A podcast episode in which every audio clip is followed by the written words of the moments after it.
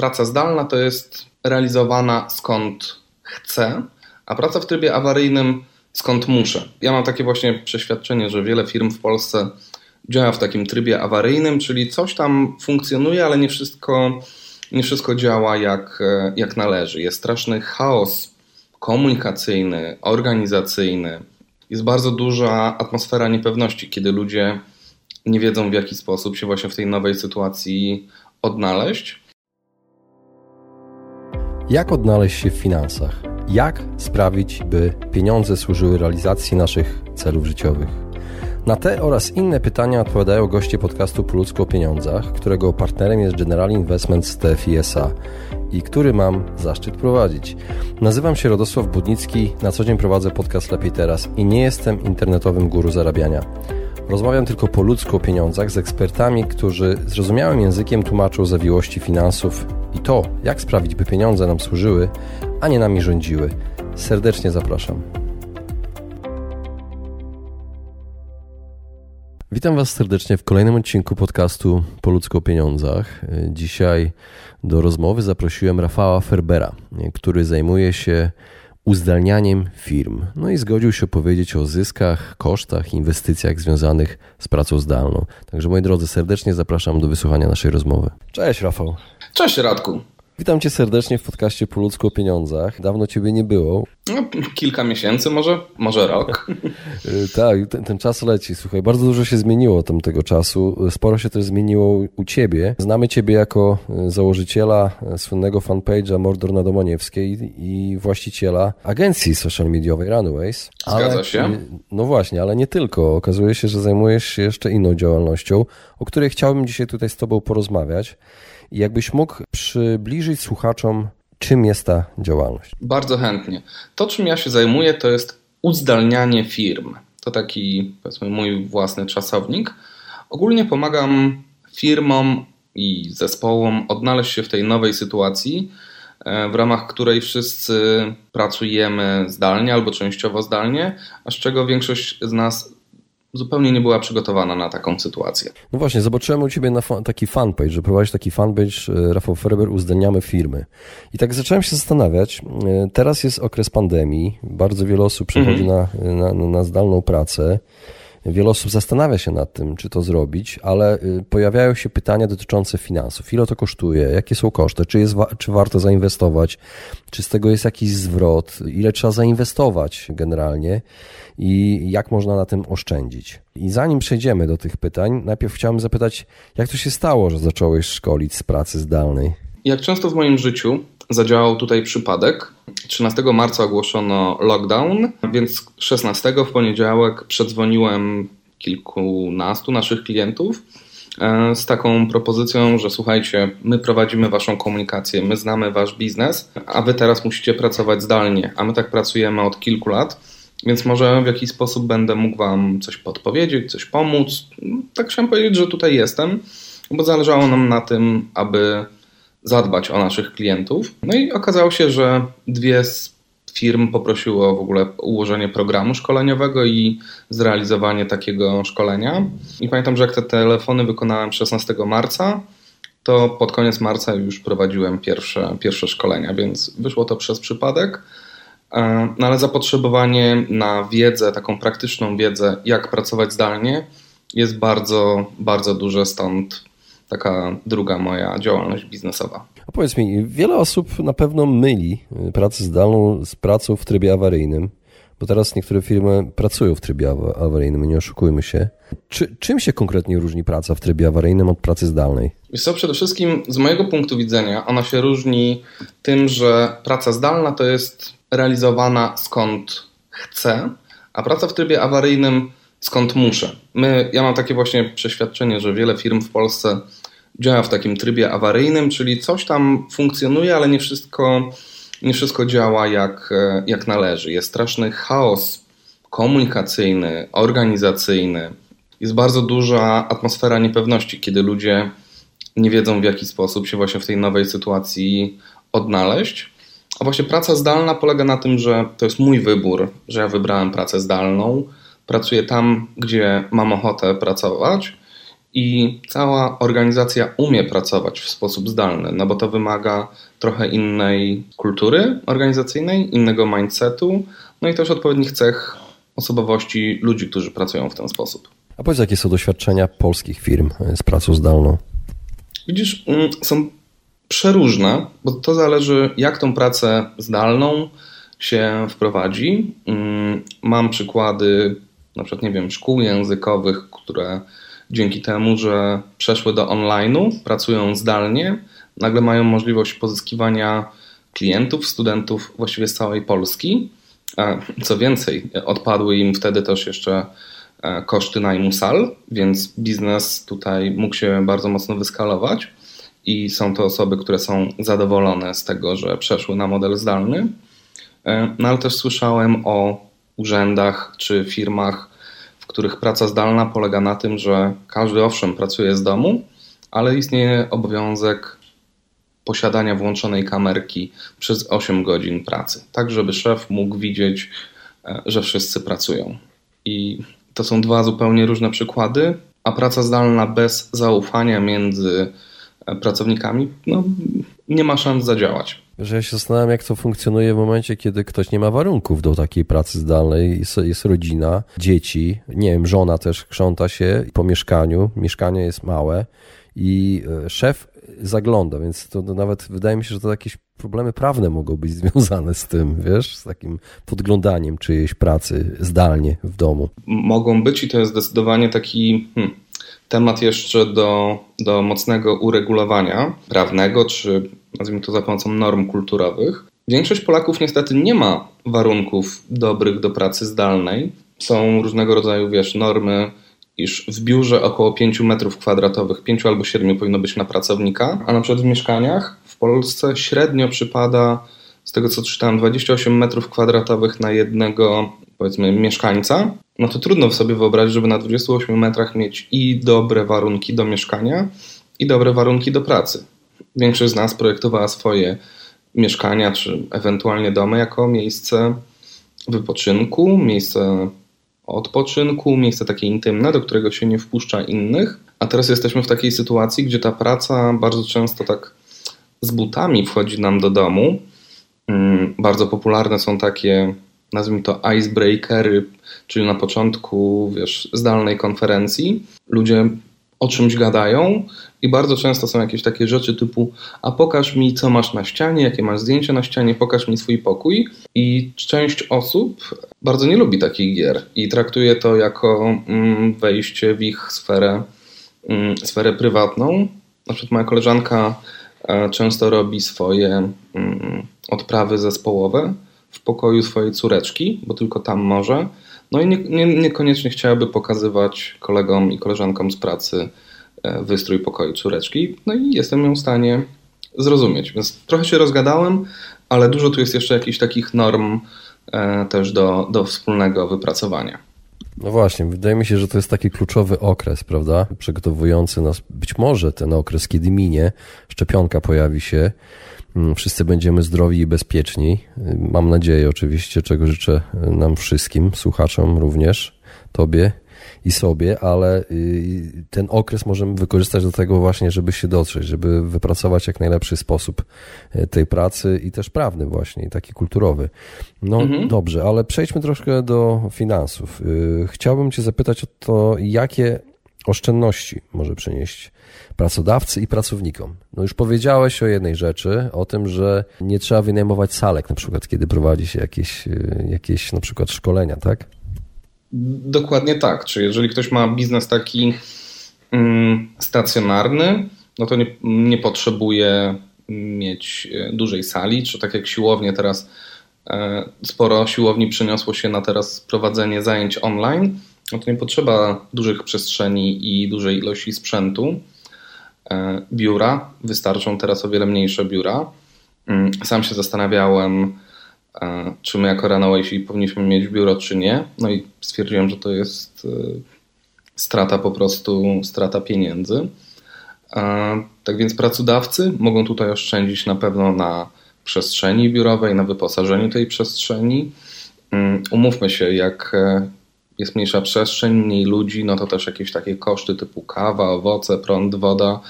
E, one może nie są jakoś mega istotne, ale się zliczają. Z kolei dla pracownika, moim zdaniem, kluczową oszczędnością jest to, co, co jest moim zdaniem najważniejszą wartością w życiu. Wbrew tytułowi Twojemu podcastu, e, to jest czas.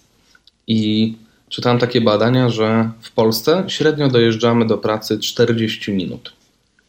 Do pracy 40, z powrotem 40. Zakładam, że w Mordorze na Domaniewskiej to jest pewnie godzina, a nie, nie 40 minut. E, więc choćby czas, który byśmy tracili na, na dojazd. Nie eksploatujemy swojego samochodu, roweru, hulajnogi czy swoich nóg. E, też bardzo często nie musimy, nie wiem, jeść na mieście czy jeść w jakiejś kantynie, tylko mamy swoje jedzenie w lodówce. Oczywiście część ludzi powie, no tak, ale teraz ja też muszę płacić za prąd, ja muszę płacić za, za internet, czy muszę sobie wygospodarować jakąś przestrzeń w swoim mieszkaniu. No i to też jest przedmiot dyskusji, bo część ludzi uważa, że firmy powinny dopłacać pracownikom za właśnie korzystanie z prywatnego internetu czy prądu, um, a inni twierdzą, że pracodawca oszczędza na jednych rzeczach, a pracownicy oszczędzają na drugich rzeczach. I to też jest coś, co jest teraz powiedzmy na takim etapie wypracowywania norm. Ile paliwa mniej się spali też. Ile paliwa mniej się spali, dokładnie tak. Stojąc I zobacz, w korkach dojeżdżając, dokładnie. Oprócz pracownika i pracodawcy, e, planeta też jest moim zdaniem mniej, e, mniej obciążona, dzięki temu, że mniej samochodów podróżuje. Oczywiście to jest też do policzenia, czy przez to, że siedzimy w domach, e, to wzrost, nie wiem, usług kurierskich, czy dostawy, czy to nie powoduje jeszcze większych nie wiem, spalin czy szkód ekologicznych, no ale to jest już pewnie temat na, e, na inny podcast. Co do czasu, to się z Tobą zgodzę. Czas, czas jest naj, naj, najcenniejszy w naszym życiu. E, tytuł akurat e, nie mówi nic na temat tego, że pieniądze są najważniejsze, na szczęście. Tak, to no dobrze. dobrze. Wracając do, wracając do pracy zdalnej. Jakie elementy są istotne w pracy zdalnej? Wiesz, mm, jak zaczął się ten lockdown, to na LinkedInie czy na Facebooku bardzo często widziałem takie zapytania, jaki program najlepszy do pracy zdalnej, czy Zoom, czy Teams, czy Slack, czy jakiekolwiek tam inne pytania. Moim zdaniem najważniejsza w pracy zdalnej jest kultura organizacyjna, to czy panuje kultura transparentnej i otwartej komunikacji czy raczej bliżej nam jakichś takich mordorowych folwarków, e, gdzie króluje niepewność. Bo jeżeli w firmie króluje niepewność, to taka firma będzie bardzo długo, moim zdaniem, przechodziła na e, tryb pracy zdalnej, więc nazwałbym to kulturą organizacyjną jako pierwszym i najważniejszym takim elemencie wprowadzania pracy zdalnej. Drugim takim elementem jest e, mindset pracowników, ale głównie menedżerów średniego szczebla, ci, którzy, na których jest ten ciężar mm, wdrożenia tejże pracy zdalnej. I dopiero na samym końcu są narzędzia. A wiele osób skupia się na narzędziach, zamiast się zastanowić nad całością tego procesu. Wiesz co, ale wydaje mi się, że to też koszty poza, e, poza, pozafinansowe. Jakie są te koszty? Z czym mają największe problemy ludzie w pracy zdalnej? Takie koszty to bym nie nazwał powiedzmy hmm, emocjonalno-środowiskowe, e, bo tak, z jednej strony w pracy zdalnej tracimy kontakt z naszymi bliskimi współpracownikami. My jesteśmy przyzwyczajeni do tworzenia swoich takich, nazwijmy to, mikroświatów w pracy i wychodziliśmy z domu, szliśmy do pracy, tam mieliśmy swoje życie i nagle nie mamy kontaktu z naszymi współpracownikami, szefami, klientami, więc w pewnym momencie jest za mało interakcji społecznych, ale przez to, że siedzimy w domu, w domu z rodziną, to tutaj mamy z kolei za dużo pewnych interakcji społecznych. I zawsze to było oddzielone praca od, e, od domu. Ktoś wychodził z domu, żeby pójść do pracy, w pracy odpoczywał od domu, a teraz te właśnie sfery się bardzo mocno pomieszały. I w domu pracujemy, i jesteśmy prywatnie, więc bardzo trudno jest to sobie oddzielić. No i jeszcze te kwestie takie właśnie środowiskowe. Jeżeli rodzina z dwójką dzieci mieszka na przykład w dwóch pokojach, to bardzo trudno jest tam wydzielić dla każdego z osobników spokojny kąt do pracy. Szczególnie do telekonferencji lub prowadzenia wywiadów chociażby. Dokładnie tak. My na przykład też musimy teraz jakoś sobie, e, jakoś sobie radzić. Tak, dokładnie, jak każdy. Y, dobrze. W takim razie pytanie. Jeżeli ktoś już y, zdecyduje się na taką pracę zdalną, czy to właściciel firmy, czy, czy freelancer, czy takie przejście na pracę zdalną kosztuje dużo pieniędzy? Jaki jest koszt? Bardzo mocno zależy od tego, co, co robisz, ale tak naprawdę wystarczy ci telefon albo laptop, zależy co jest głównym narzędziem Twojej pracy, e, dostęp do gniazda elektrycznego i dostęp do internetu. I biura księgowe nawet potrafią pracować zdalnie. Oczywiście jest wtedy trochę gorzej, bo pracują na skanach, a nie mają nie wiem, folderu z, z dokumentami księgowymi pod ręką. E, fizjoterapeuci, kosmetyczki, e, trenerzy fitness, trenerzy jogi. Owszem, no, ewentualnie trzeba jeszcze dokupić sobie jakąś kamerkę do, do streamowania live'ów do nadawania online, ale też bardzo często my już te kamerki mamy choćby w naszych telefonach, więc koszty są tutaj niewielkie. A jak widzisz przyszłość pracy? Jest takie bardzo modne słowo model hybrydowy i moim zdaniem obecna sytuacja, ta pandemia, pokazała, że nie musimy już mieć wszystkich ludzi w biurze, żeby, żeby widzieć, jak oni pracują Firmy też zauważą możliwości do oszczędności na powierzchniach biurowych i zakładam, że albo będą wrócimy do systemu zmianowego, czyli że ja powiedzmy przychodzę do pracy w biurze w poniedziałek i wtorek, a ty w środę i w czwartek, dzięki czemu biuro może być o połowę mniejsze, e, albo coraz więcej osób będzie pracowało z domu. Domy będą też trochę inaczej projektowane. Mm, coraz więcej będzie takich sprytnych rozwiązań do współdzielenia przestrzeni między przestrzenią roboczą a mm, nazwijmy to życiową. I też nawet niedawno pojawił się na rynku nieruchomości taki nowy koncept jak co-living. Mamy już coworking, który wszyscy wiemy y, czym jest. To też pojawia się co-living, który może być jakąś taką odpowiedzią na to poluzowanie więzi społecznych, które obserwujemy w tej chwili. Czekaj, na czym polega co-living? Co-living e, właśnie w Mordorze na Domaniewskiej miał niedawno powstać taki pierwszy. E, czyli to jest wspólna przestrzeń do, do mieszkania. E, tak jest na przykład, że każdy ma swoją sypialnię, ale kuchnia jest wspólna, pralnia jest wspólna, są takie przestrzenie, przestrzenie wspólne. Nie wiem, przestrzeń też do rozrywki. To mi przypomina akademik generalnie. Krótko Trochę tak. Taki akademik, w którym można legalnie pić i zapraszać znajomych e, płci przeciwnej. tak, czyli co-living, czyli akademik dawny. No dobrze, nowa nazwa. Akademik e... dla dorosłych. tak, dokładnie. Powiedziałaś mi teraz o tych, o tych biurach, że być może znikną. E, jak myślisz, czy to już jest koniec twojego mordoru na Domaniewskiej? E, koniec pewnie nie, ale on on zmieni swoją formę. E, świat właśnie taki biurowy e, będzie musiał moim zdaniem ewoluować. Nie chciałbym być teraz w skórze właśnie firm takich nieruchomościowych, które e, budu, budują bądź budowały biurowce na, na potęgę, bo oprócz Mordoru na Domaniewskiej przecież jest jeszcze Isengard za żelazną bramą, czyli okolice Warsaw Spire, gdzie też bardzo dużo tych biurowców się buduje, no nie wiadomo, czy wszystkie one będą wynajęte. A powiedz mi, czy już wszyscy się przestawili na pracę zdalną? Nie, zdecydowanie nie i bardzo długa droga przed nami. Mm, to tak jak z adaptacją właściwie każdej nowej technologii. Gdybym się spytał, czy mm, wszyscy już się przestawili na nie wiem, wideokonferencję, to, to pewnie też jeszcze, jeszcze nie. W dużych zachodnich korporacjach idzie ten proces szybciej, bo jest narzucany z góry. W polskich małych i średnich firmach jest gorzej. Ostatnio, też w tym tygodniu, a nagrywamy to jakoś na początku listopada, usłyszałem, że również urzędy mają przejść na pracę zdalną. No i trochę się boję, jak to będzie wyglądało.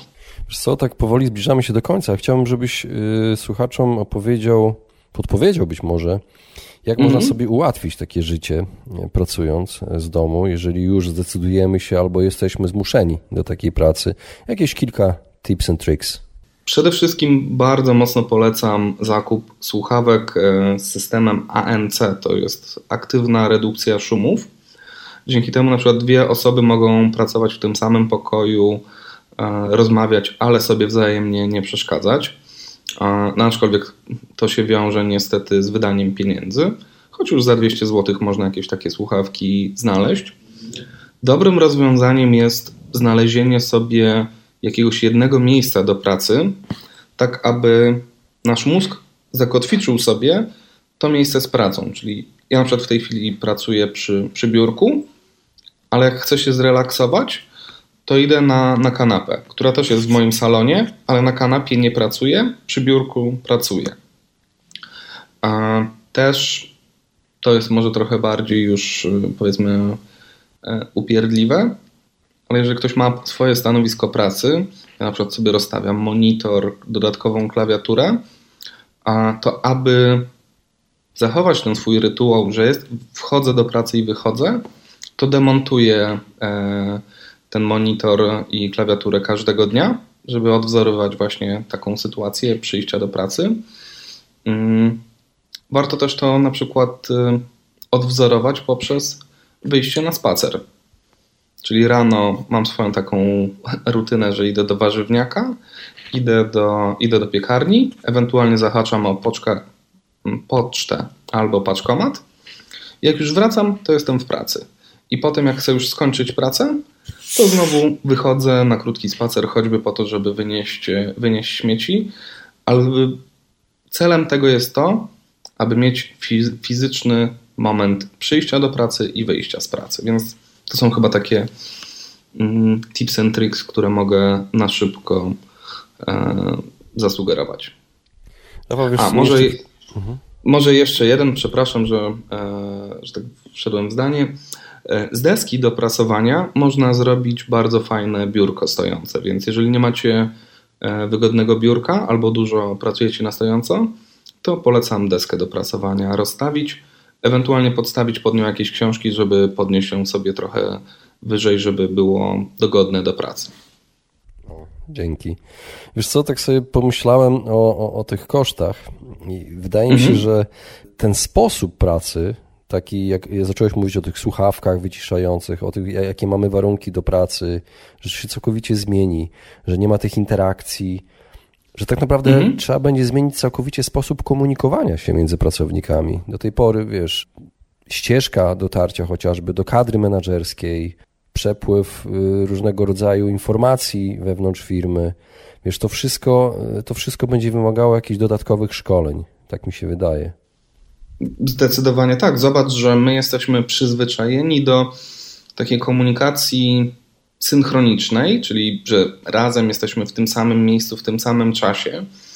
E, no, w korporacjach bardzo wiele rzeczy załatwiało się tak naprawdę na papierosie, mm, czy gdzieś tam na kawie albo na jakimś lanczyku, a teraz no, pewnych rzeczy nie napiszesz na Slacku czy, mm, czy na Teamsie, więc rzeczywiście trzeba się nauczyć i właśnie przejść z komunikacji mówionej na komunikację pisaną i też komunikację mm, właśnie asynchroniczną, czyli ja ci wysyłam wiadomość, a ty mi odpowiadasz na nią na przykład po dwóch godzinach. I w dużych firmach, w dużych korporacjach, które e, bardzo często pracują w zespołach takich międzynarodowych, rozrzuconych po różnych strefach czasowych, e, już pewne nawyki tego typu komunikacji widać ale jestem przekonany, że większość firm, firm w Polsce operuje w naszej strefie czasowej, więc y, dopiero teraz będzie się uczyła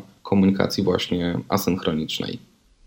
Mhm. Wydaje mi się też, że wiele firm nie zna tych narzędzi, o których y, mówiłeś, czy tam Zoom, czy Slack, dopiero poznaje te nazwy, bo mhm. operują tak naprawdę mediami społecznościowymi, takimi narzędziami jak chociażby Messenger czy WhatsApp. Tak. Y, do, tak. Y, narzędzia, które używamy do prywatnej komunikacji. I wydaje mi się, że trzeba będzie postawić jakąś taką granicę między tymi narzędziami, żeby nam się nie zacierało życie prywatne z tym życiem y, służbowym, że na przykład Messenger będzie tylko do prywatnych kontaktów, a na przykład telefon służbowy tylko do, do zawodowych kontaktów, albo że Slack będzie tylko do takiego czatu, a nie mhm. Messenger, bo może kusić niektórych menadżerów, żeby pisać do swoich pracowników na Facebooku, prawda? Tak, to mm, ja na przykład też rekomenduję, mm, aby nie wykorzystywać Messengera do spraw służbowych, bo ciągle one są, nazwijmy to, przed naszymi oczyma. Więc jeżeli często korzystam z Messengera w tematach prywatnych, to do kontaktu z klientami najlepiej, nie wiem, umówić się na jakiegoś WhatsAppa, czy Teamsa, czy jakiekolwiek inne, mm, inne rozwiązanie. E, Dobrym pomysłem też jest e, posiadanie dwóch przeglądarek. Na przykład w Chromie możesz się zalogować do Chroma i możesz się zalogować Radek prywatnie i masz tam swoje, nie wiem, ulubione zakładki i informacje prywatne, a możesz też się zalogować służbowo i masz wtedy cały taki zestaw e, pod, e, pod pracę. No, zupełnie inny widok. Zupełnie inny zupełnie widok. Inny tak widok, tak. Tak można i do przeglądarki, e, można też w ten sposób się logować do profili i na PC i, i na Apple'u. E, no i oczywiście rozwiązanie dla najbogatszych, kupić sobie komputer do pracy, e, pracy jak i komputer do, do zabawy, ale to jest raczej przesada już. Dobrze. No, jestem ciekaw, co przyniesie przyszłość dla takiej e, branży, firm, które uzdalniają firmy, takie jak Twoja właśnie. Zobaczymy. W każdym razie dziękuję Ci bardzo za tę rozmowę i podzielenie się e, informacjami na temat pracy zdalnej i aspektami związanymi z tym rodzajem pracy. Ja również bardzo dziękuję za zaproszenie. Jeżeli będę mógł w czymś pomóc, to oczywiście zapraszam do kontaktu. Właśnie wysłuchaliście podcastu Po ludzku o pieniądzach. Mam nadzieję, że Wam się podobało. Jeśli tak, poświęćcie swój czas, proszę pozostawić swoją recenzję na Apple Podcast. Jeżeli macie pytania lub propozycje dotyczące kolejnych audycji, piszcie do mnie na fanpage'u Po ludzku o pieniądzach i do usłyszenia następnym razem. Pozdrawiam serdecznie.